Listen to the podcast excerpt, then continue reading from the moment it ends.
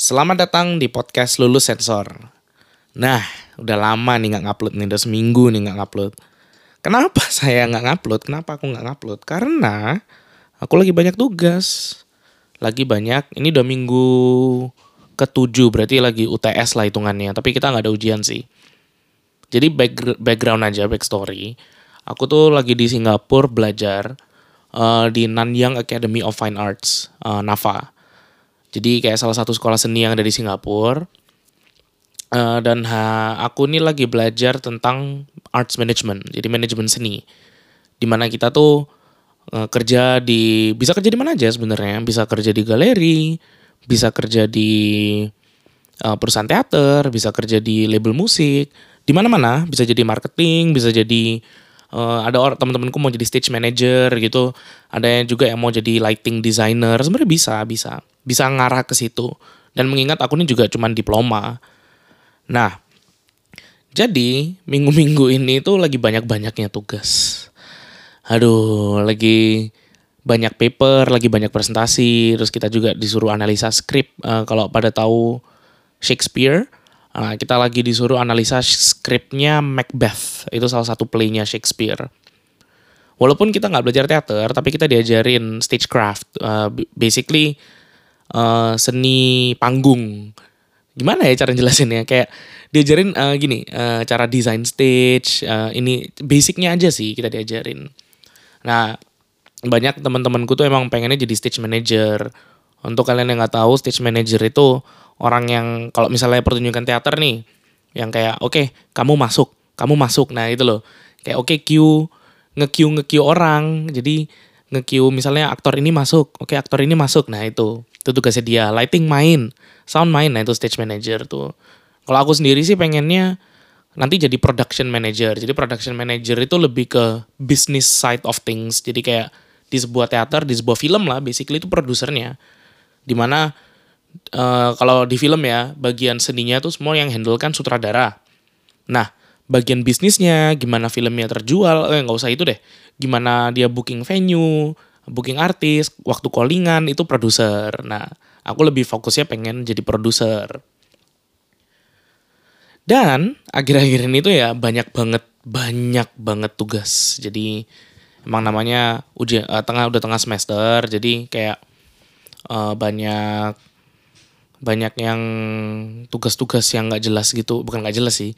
Banyak tugas-tugas yang emang udah deadline uh, minggu tujuh ini. Untungnya minggu depan libur minggu 8 jadi sekarang aku ngerekam tanggal 20 jadi by tanggal 27 Februari aku udah libur. Seminggu doang libur tengah semester.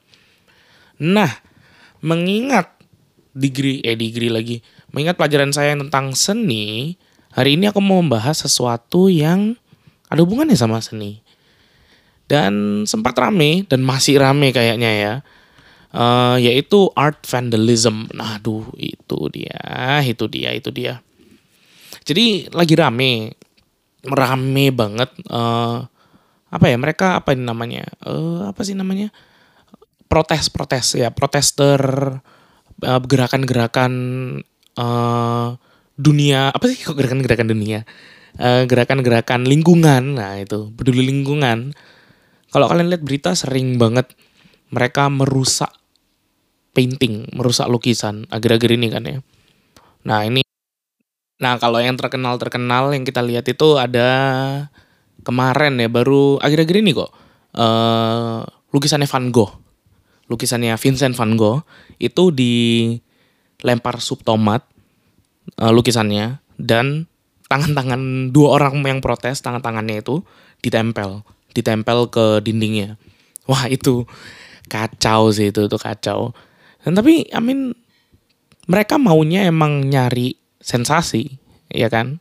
Mereka mau nyari sensasi biar didengar tapi apakah layak gitu mereka harus harus banget nge apa sih namanya? Harus banget mereka nempel dan ngerusak itu loh, ngerusak artwork, artwork yang terkenal. Apalagi by Vincent van Gogh loh. Untuk kalian yang nggak tahu ya, Vincent van Gogh itu kayak semacam rebel gitu juga sih, kayak banyak orang yang bingung kenapa kenapa lukisan Vincent van Gogh yang di yang di apa? yang dirusak. Padahal Vincent van Gogh itu juga seseorang yang mendukung pasti kalau dia masih hidup, kalau dia masih ada, dia pasti mendukung, sangat mendukung gerakan mereka. Nah ini artikelnya bilang nih, aku lagi baca artikel nih. Uh, kalau ada dua protestor, protestor, dua orang protes, uh, ya dua apa sih namanya bahasa Indonesia apa ya? Dua pendemo, dua pendemo yang uh, menumpahkan sup tomat dan nempel tangannya itu di lukisannya Van Gogh yang judulnya Sunflower yang nilai lukisannya sendiri itu 84 juta, 2 84 juta 200 ribu mil 84 juta 200 ribu US dollar. Wah, itu berarti berapa itu? 84 juta. Wah, berapa puluh M, berapa ratus M tuh. Nah, jadi lukisannya itu disimpan di sebuah galeri di London di Inggris ya, di United Kingdom. Dan ada dua orang ini datang terus ya udah ngelempar sup tomat terus nempel. Nah jadi dua pendemo ini mereka tuh pakai baju Just Stop Oil. Nah Just Stop Oil itu apa sih Just Stop Oil? Just Stop Oil itu uh, sebuah kelompok koalisi yang kerja bareng untuk memastikan uh, pemerintah itu ngestop untuk make minyak, untuk make gas uh, atau ada yang ngebel tuh nggak tahu siapa untuk ngestop fossil fuel licensing and production. Nah, tapi caranya mereka ini salah menurutku. Caranya mereka untuk protes ini nggak nggak sesuai ya. Kayak kenapa harus vandalism? Nah, oke, okay, ini ini baru satu dari sekian banyak ya. Ada banyak sebenarnya akhir-akhir ini seni yang di vandalisme, yang di yang dirusak. Uh, coba kita lihat nih beritanya lagi nih. Uh, banyak banget nih. Uh, ini malah ada artisnya sendiri. Loh, loh, loh, loh, loh, loh, loh, loh.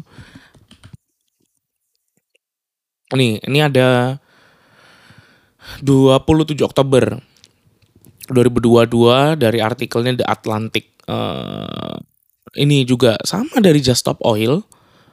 Dia ngeglu tangannya sendiri ke lukisannya siapa nih? Oh ini Van Gogh tadi lukisannya hmm, gitu tuh lukisannya Vermeer Girl with a Pearl Earring. Wah itu itu epic banget tuh. Tahu nggak lukisan Girl with the Earring, Pearl Earring? Itu yang dia nengok gitu terus ya ada pearl earringnya ya itulah. Dan itu dia nempel tangannya di situ. Oh bukan tangan, kepalanya ditempel ke lukisannya. Terus orang lainnya nuangin sup tomat ke ke yang nempelin tangan. Ini agak aneh juga goblok juga ini kelihatannya itu. Ya sebenarnya nggak cuma seni sih banyak banyak uh, banyak protes yang agak aneh. Nah kemarin itu aku juga sempat lihat artikel. Ada satu protes ini lucu banget. Dia protesnya di showroomnya Porsche. Porsche itu sebuah merek mobil mewah dari Jerman. Dia kalau nggak salah kalau nggak salah ya ini ya aku nggak ada nggak lihat dari artikel nih tapi seingatku yang aku baca kemarin dia itu uh, duduk terus kayak nempel tangannya di nempel tangannya di mana itu? Di ini apa? Nempel tangannya di kayak depan-depan showroom mobil gitu di dalamnya di dalamnya. Terus apa yang orang-orang showroomnya lakukan? Kalau yang oh btw yang tadi yang dua itu yang art vandalism kebanyakan ditangkap ya. Jadi ya itu biar mereka nggak aneh-aneh. Tapi yang ini lucu nih. Yang di Porsche ini yang dilakukan sama petugas Porsche-nya yang kerja di Porsche-nya mereka cuman udah diem duduk manggil polisi manggil polisi tapi nggak diapa-apain akhirnya udah waktu tutup toko ditutup tokonya. Dibiarin mereka di dalam. Mereka dibiarin di dalam showroom nggak tuh? Dibiarin dalam showroom loh. Biar tahu rasa tuh. Nah itu. Ya, kayak feelingku ini sih apa namanya? Eh, nggak uh, pas aja untuk orang-orang ini berdemo, beropini lah ya anggapannya. Beropini pakai cara-cara yang menyusahkan orang lain akhirnya. Maksudnya in some way, kalau aku diajarin di art management ya, uh, seni itu ada nilai value materialnya dan ada nilai value emosionalnya kan. Nah, mungkin para pendemo ini nggak paham, nggak paham uh, nilai-nilai tersebut ya kan akhirnya mereka ya udah aku mau viral aku mau famous tuang sup tomat masukin apa masukin lem apa kok masukin lem ngelem diri sendiri ke lukisan. Nah itu mungkin mereka nggak sadar kalau mereka tuh merusak suatu hal yang sangat penting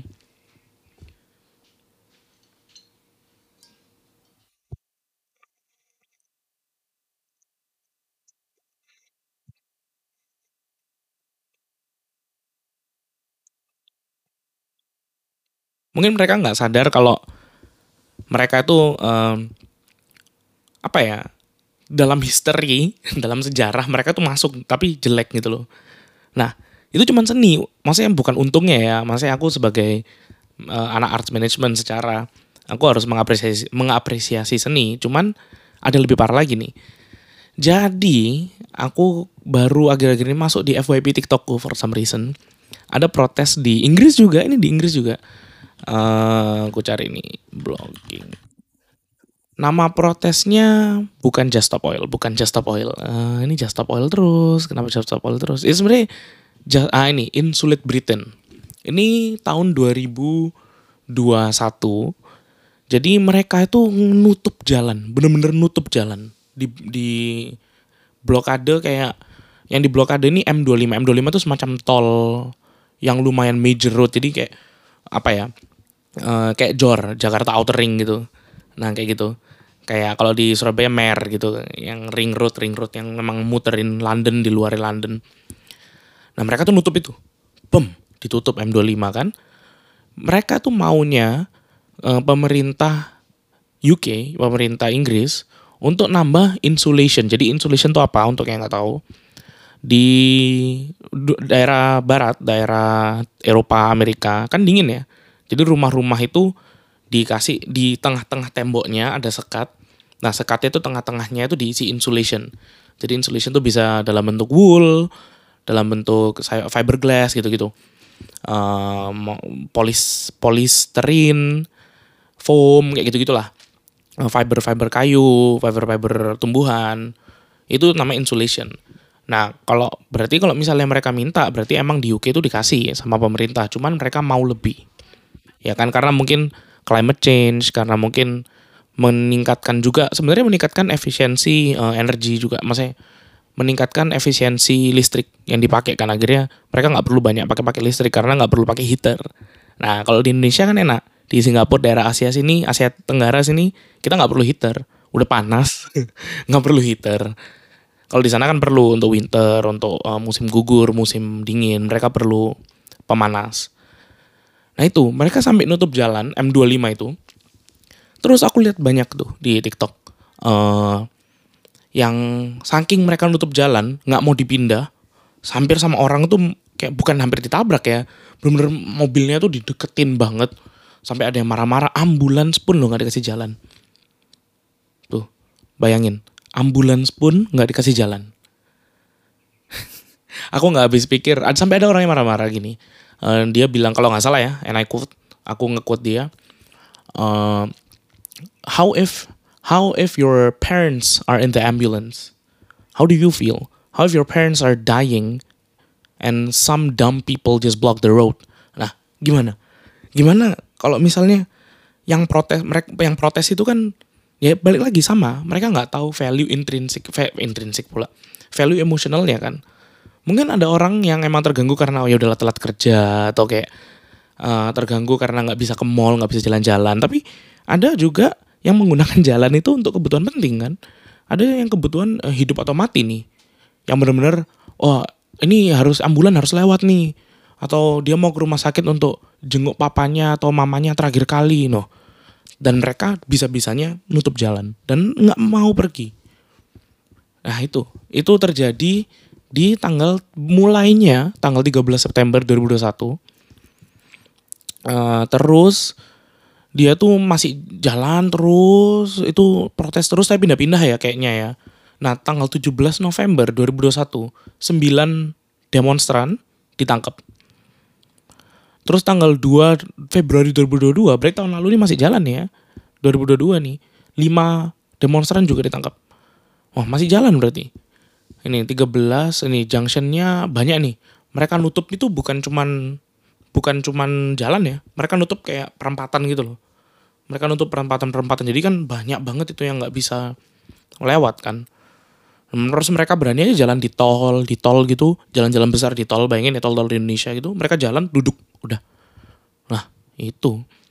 Nih jadi uh, tanggal 21 nya mulai tanggal 13 mulai 21 mereka juga uh, nutup jalan. Tanggal 24 mereka nutup jalan di uh, kayak apa sih port port pelabuhan. Mereka nutup di pelabuhan. Tanggal 29 mereka balik ke tol. Tanggal 4 Oktober mereka nutup tunnel. Mereka nutup ini apa uh, deket terowongan. Terus lanjut terus sampai tanggal sampai November. Sampai tanggal 4 November dan sampai Februari. Aduh nggak jelas. Ngeliat ini kayak paling nggak kalau kayak protes-protes di Indonesia itu dikasih tahu gitu loh. Oh iya ada penutupan jalan di sini karena ada protes dan apa di nggak nggak ada yang ngelawan polisi kan. Malah polisinya ikut membantu mengamankan.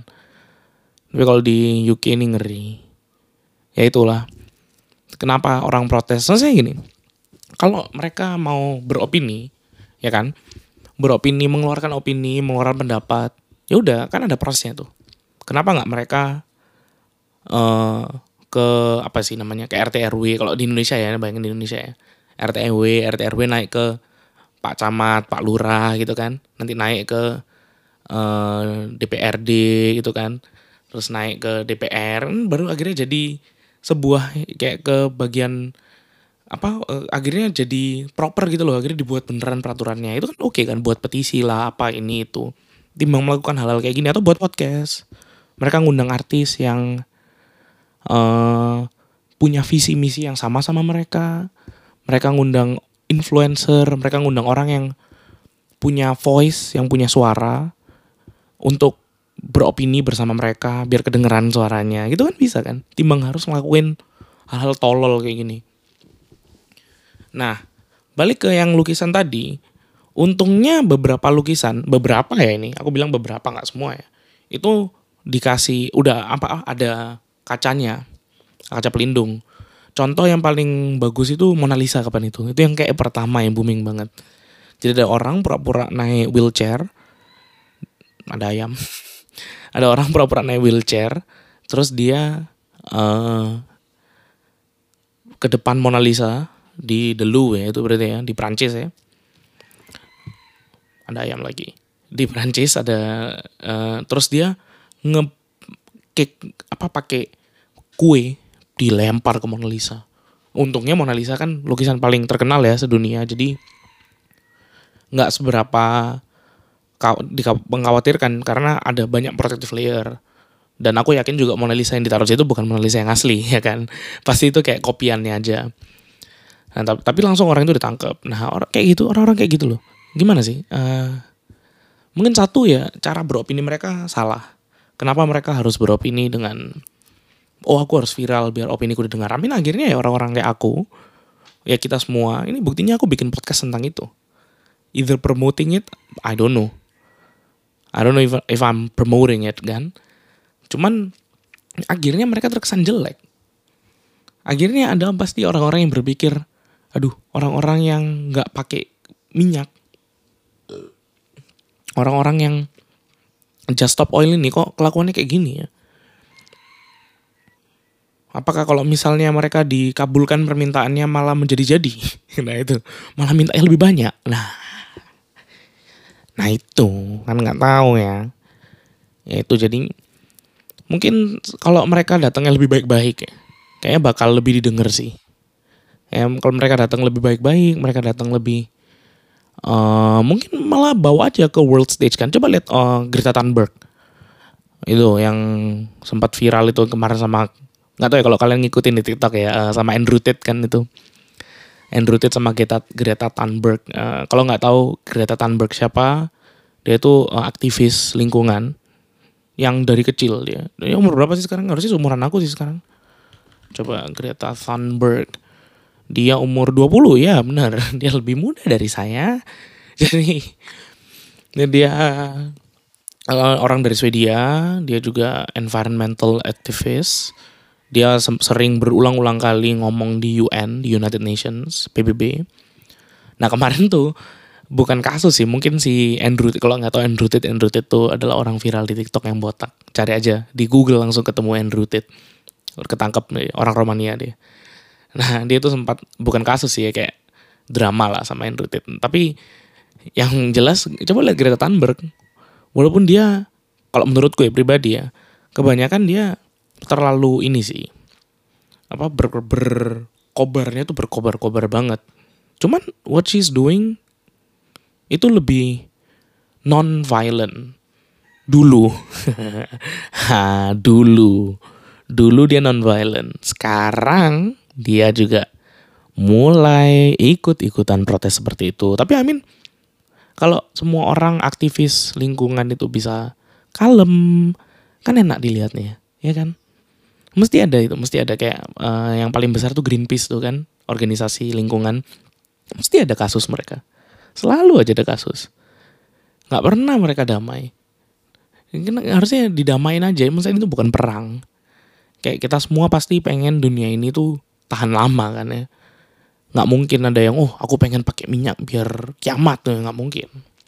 Pasti ya mungkin adalah satu dua orang, segelintir orang yang mau memakai material-material itu untuk kepentingan mereka sendiri, untuk memperkaya diri sendiri.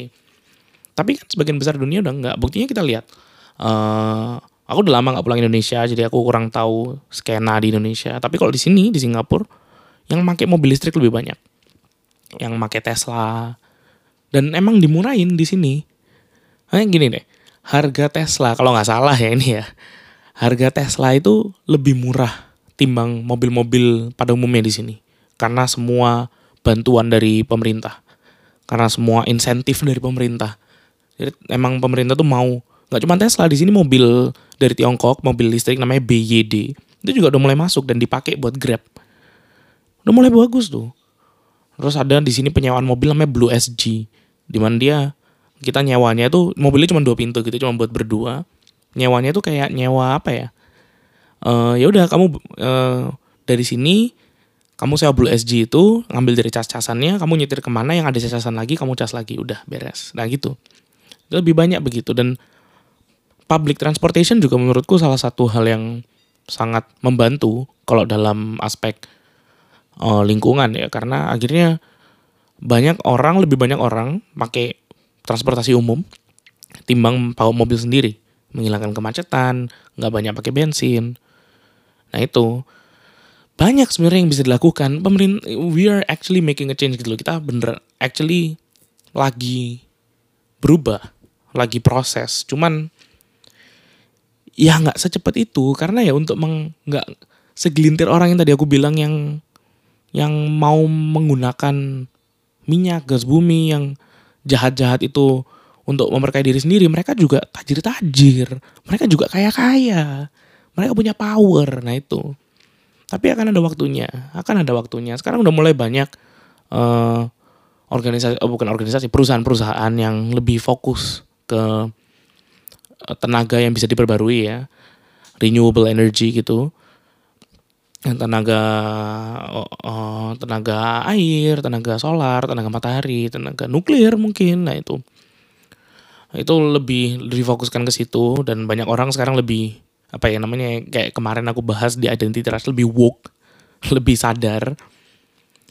Jadi harusnya nggak it's not I mean it is a big problem. Climate change is real. Uh, perubahan iklim itu ada sungguhan, memang bumi ini lagi memanas. Cuman ada gitu loh. Kita emang lagi melakukan perubahan. Nggak bisa dong overnight kita berubah. Tiba-tiba kita balik ke medieval age, ke tahun 17 1750-an gitu di mana kita nggak ada listrik. Nah itu nggak bisa orang kemarin 2 tahun kena covid aja kita udah panik apalagi tiba-tiba listrik di stop nah internet di stop aku nggak bisa ngupload podcast dong Nah, itu akhirnya menurutku emang opini terakhirku untuk ini ya orang-orang itu gabut kayaknya mereka ya. Kurang kerjaan ya. Uh, kalau mereka bisa lagian podcast ya kayak aku aku mikir ya. Bikin konten di internet sekarang tuh lebih powerful untuk beropini timbang uh, I mean action still does matter. Tapi Tapi bikin konten di internet itu juga nggak kalah kuatnya dengan beropini di publik uh, in in real life ya. TikTok itu sangat powerful tool banget. TikTok, YouTube, even podcast menurutku itu sangat powerful. Dan gerakan-gerakan itu dan mereka cuma harus nyari orang-orang yang tepat aja. Ketika mereka nyari orang-orang yang tepat, mereka punya awareness yang tinggi tentang cost mereka, tentang tujuan mereka. Udah. Udah dari situ mungkin akan mempercepat mempercepat kita punya perubahan kan. Dunia ini bakal membaik. Nah, itu. Masa harus ada Covid lagi? Kemarin kan sejak Covid itu langsung oh itu gas emisi gas CO2 dunia turun itu dua tahun. Masa harus Covid lagi baru turun lagi? Enggak dong. Nah itu. Ya, hari ini episodenya segitu aja karena saya harus aku harus ngerjain tugas lagi. Belum ngedit ini, harus ngerjain tugas lagi. Hah, tapi kayaknya uh, akhir minggu ini aku aku mungkin minggu ini ngupload dua. Jadi nanti akhir minggu ini aku akan ngupload lagi dan mungkin lebih kayak diary like gitu sih. Lebih tentang apa yang bener-bener aku jalanin dan bener-bener lulusan nggak lulus sensor harusnya yang berikutnya karena lebih tentang opini pribadi tentang hal yang aku nggak mau omongin di publik tapi nggak tahu kenapa mungkin aku akhir-akhir ini menemukan keberanian untuk berbicara tentang hal-hal yang aku sungkan ngomong di publik. Ya terima kasih telah mendengarkan lulus sensor. Sampai jumpa di episode berikutnya. Dadah